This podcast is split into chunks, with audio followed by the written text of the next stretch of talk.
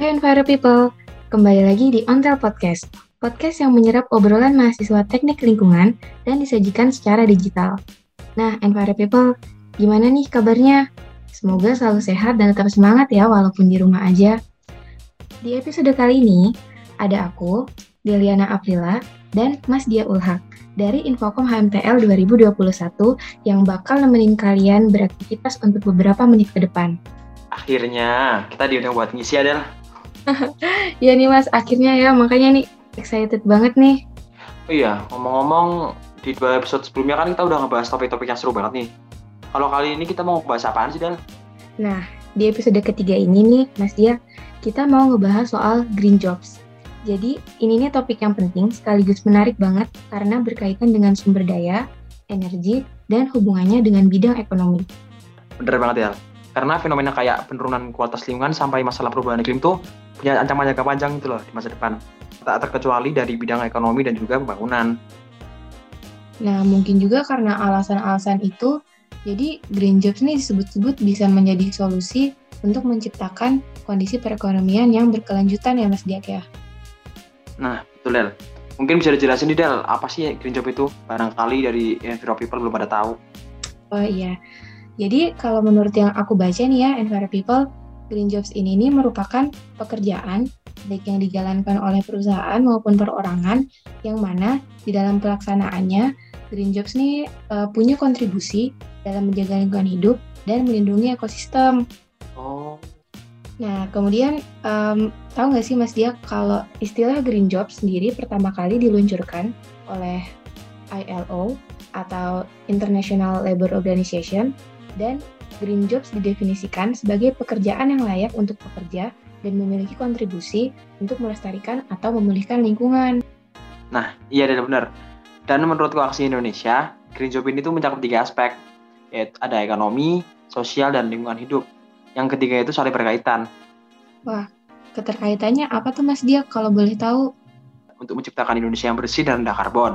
Ada juga uh, untuk meningkatkan ekonomi lokal nih melalui kesempatan kerja yang layak. Dan nggak cuma itu Del, ada kemapanan sosial ekonomi masyarakat yang bisa diimprove melalui peningkatan efisiensi sumber dayanya. Wah, sangat berdampak baik bagi lingkungan ya Mas, berarti Green Jobs ini. Nah, Enviro People pasti udah tahu dong apa aja yang merupakan sektor kerja dari Green Jobs. Dan mungkin nih yang belum tahu, yuk Mas Diak yuk bisa disebutin nggak sih apa aja pekerjaan yang dikategorikan sebagai Green Job?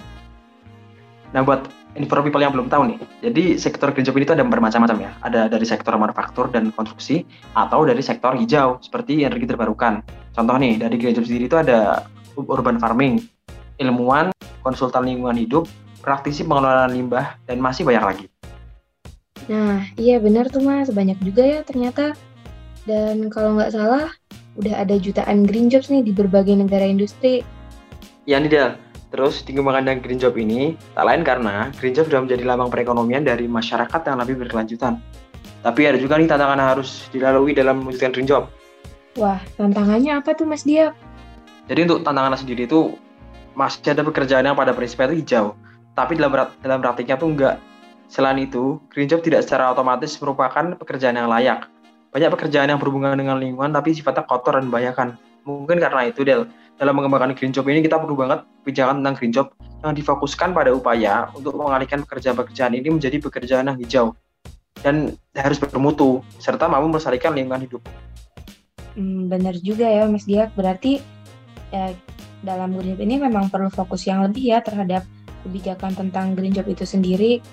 Uh, by the way, tahu nggak sih Mas, kalau bisnis startup tuh bisa jadi peluang bagi anak muda Indonesia karena semakin ke sini kan semakin banyak tuh anak muda yang kreatif dan produktif. Betul banget Del. Dipikir-pikir banyak loh sekarang sektor green job yang bisa dijadikan di bisnis startup kayak uh, bisnis produk ramah lingkungan nih. Terus ada thrift shop juga nih baru-baru ini banyak banget yang pada jualan. Terus ada transportasi, ada waste management seperti yang dilakukan Waste for Change dan lain-lain. Wah, keren juga ya ternyata green job ini Mas Dia. Uh, bayangin kalau kita nggak segera mempertimbangkan perkembangan green jobs. Kayaknya pertumbuhan lapangan kerja di masa depan nggak akan cukup deh untuk mengimbangi kebutuhan uh, akan lapangan pekerjaan di negara-negara berkembang. Exactly, betul. Nah, kayaknya kita sampai sini dulu adalah bahasan tentang green job ini. Ya semoga informasi dari episode kali ini bisa diterima dengan baik ya. Nah iya Mas Diak dan untuk Enviro People, jangan lupa untuk dengerin episode lain dari Ontel Podcast dan nantikan episode Effect Podcast selanjutnya.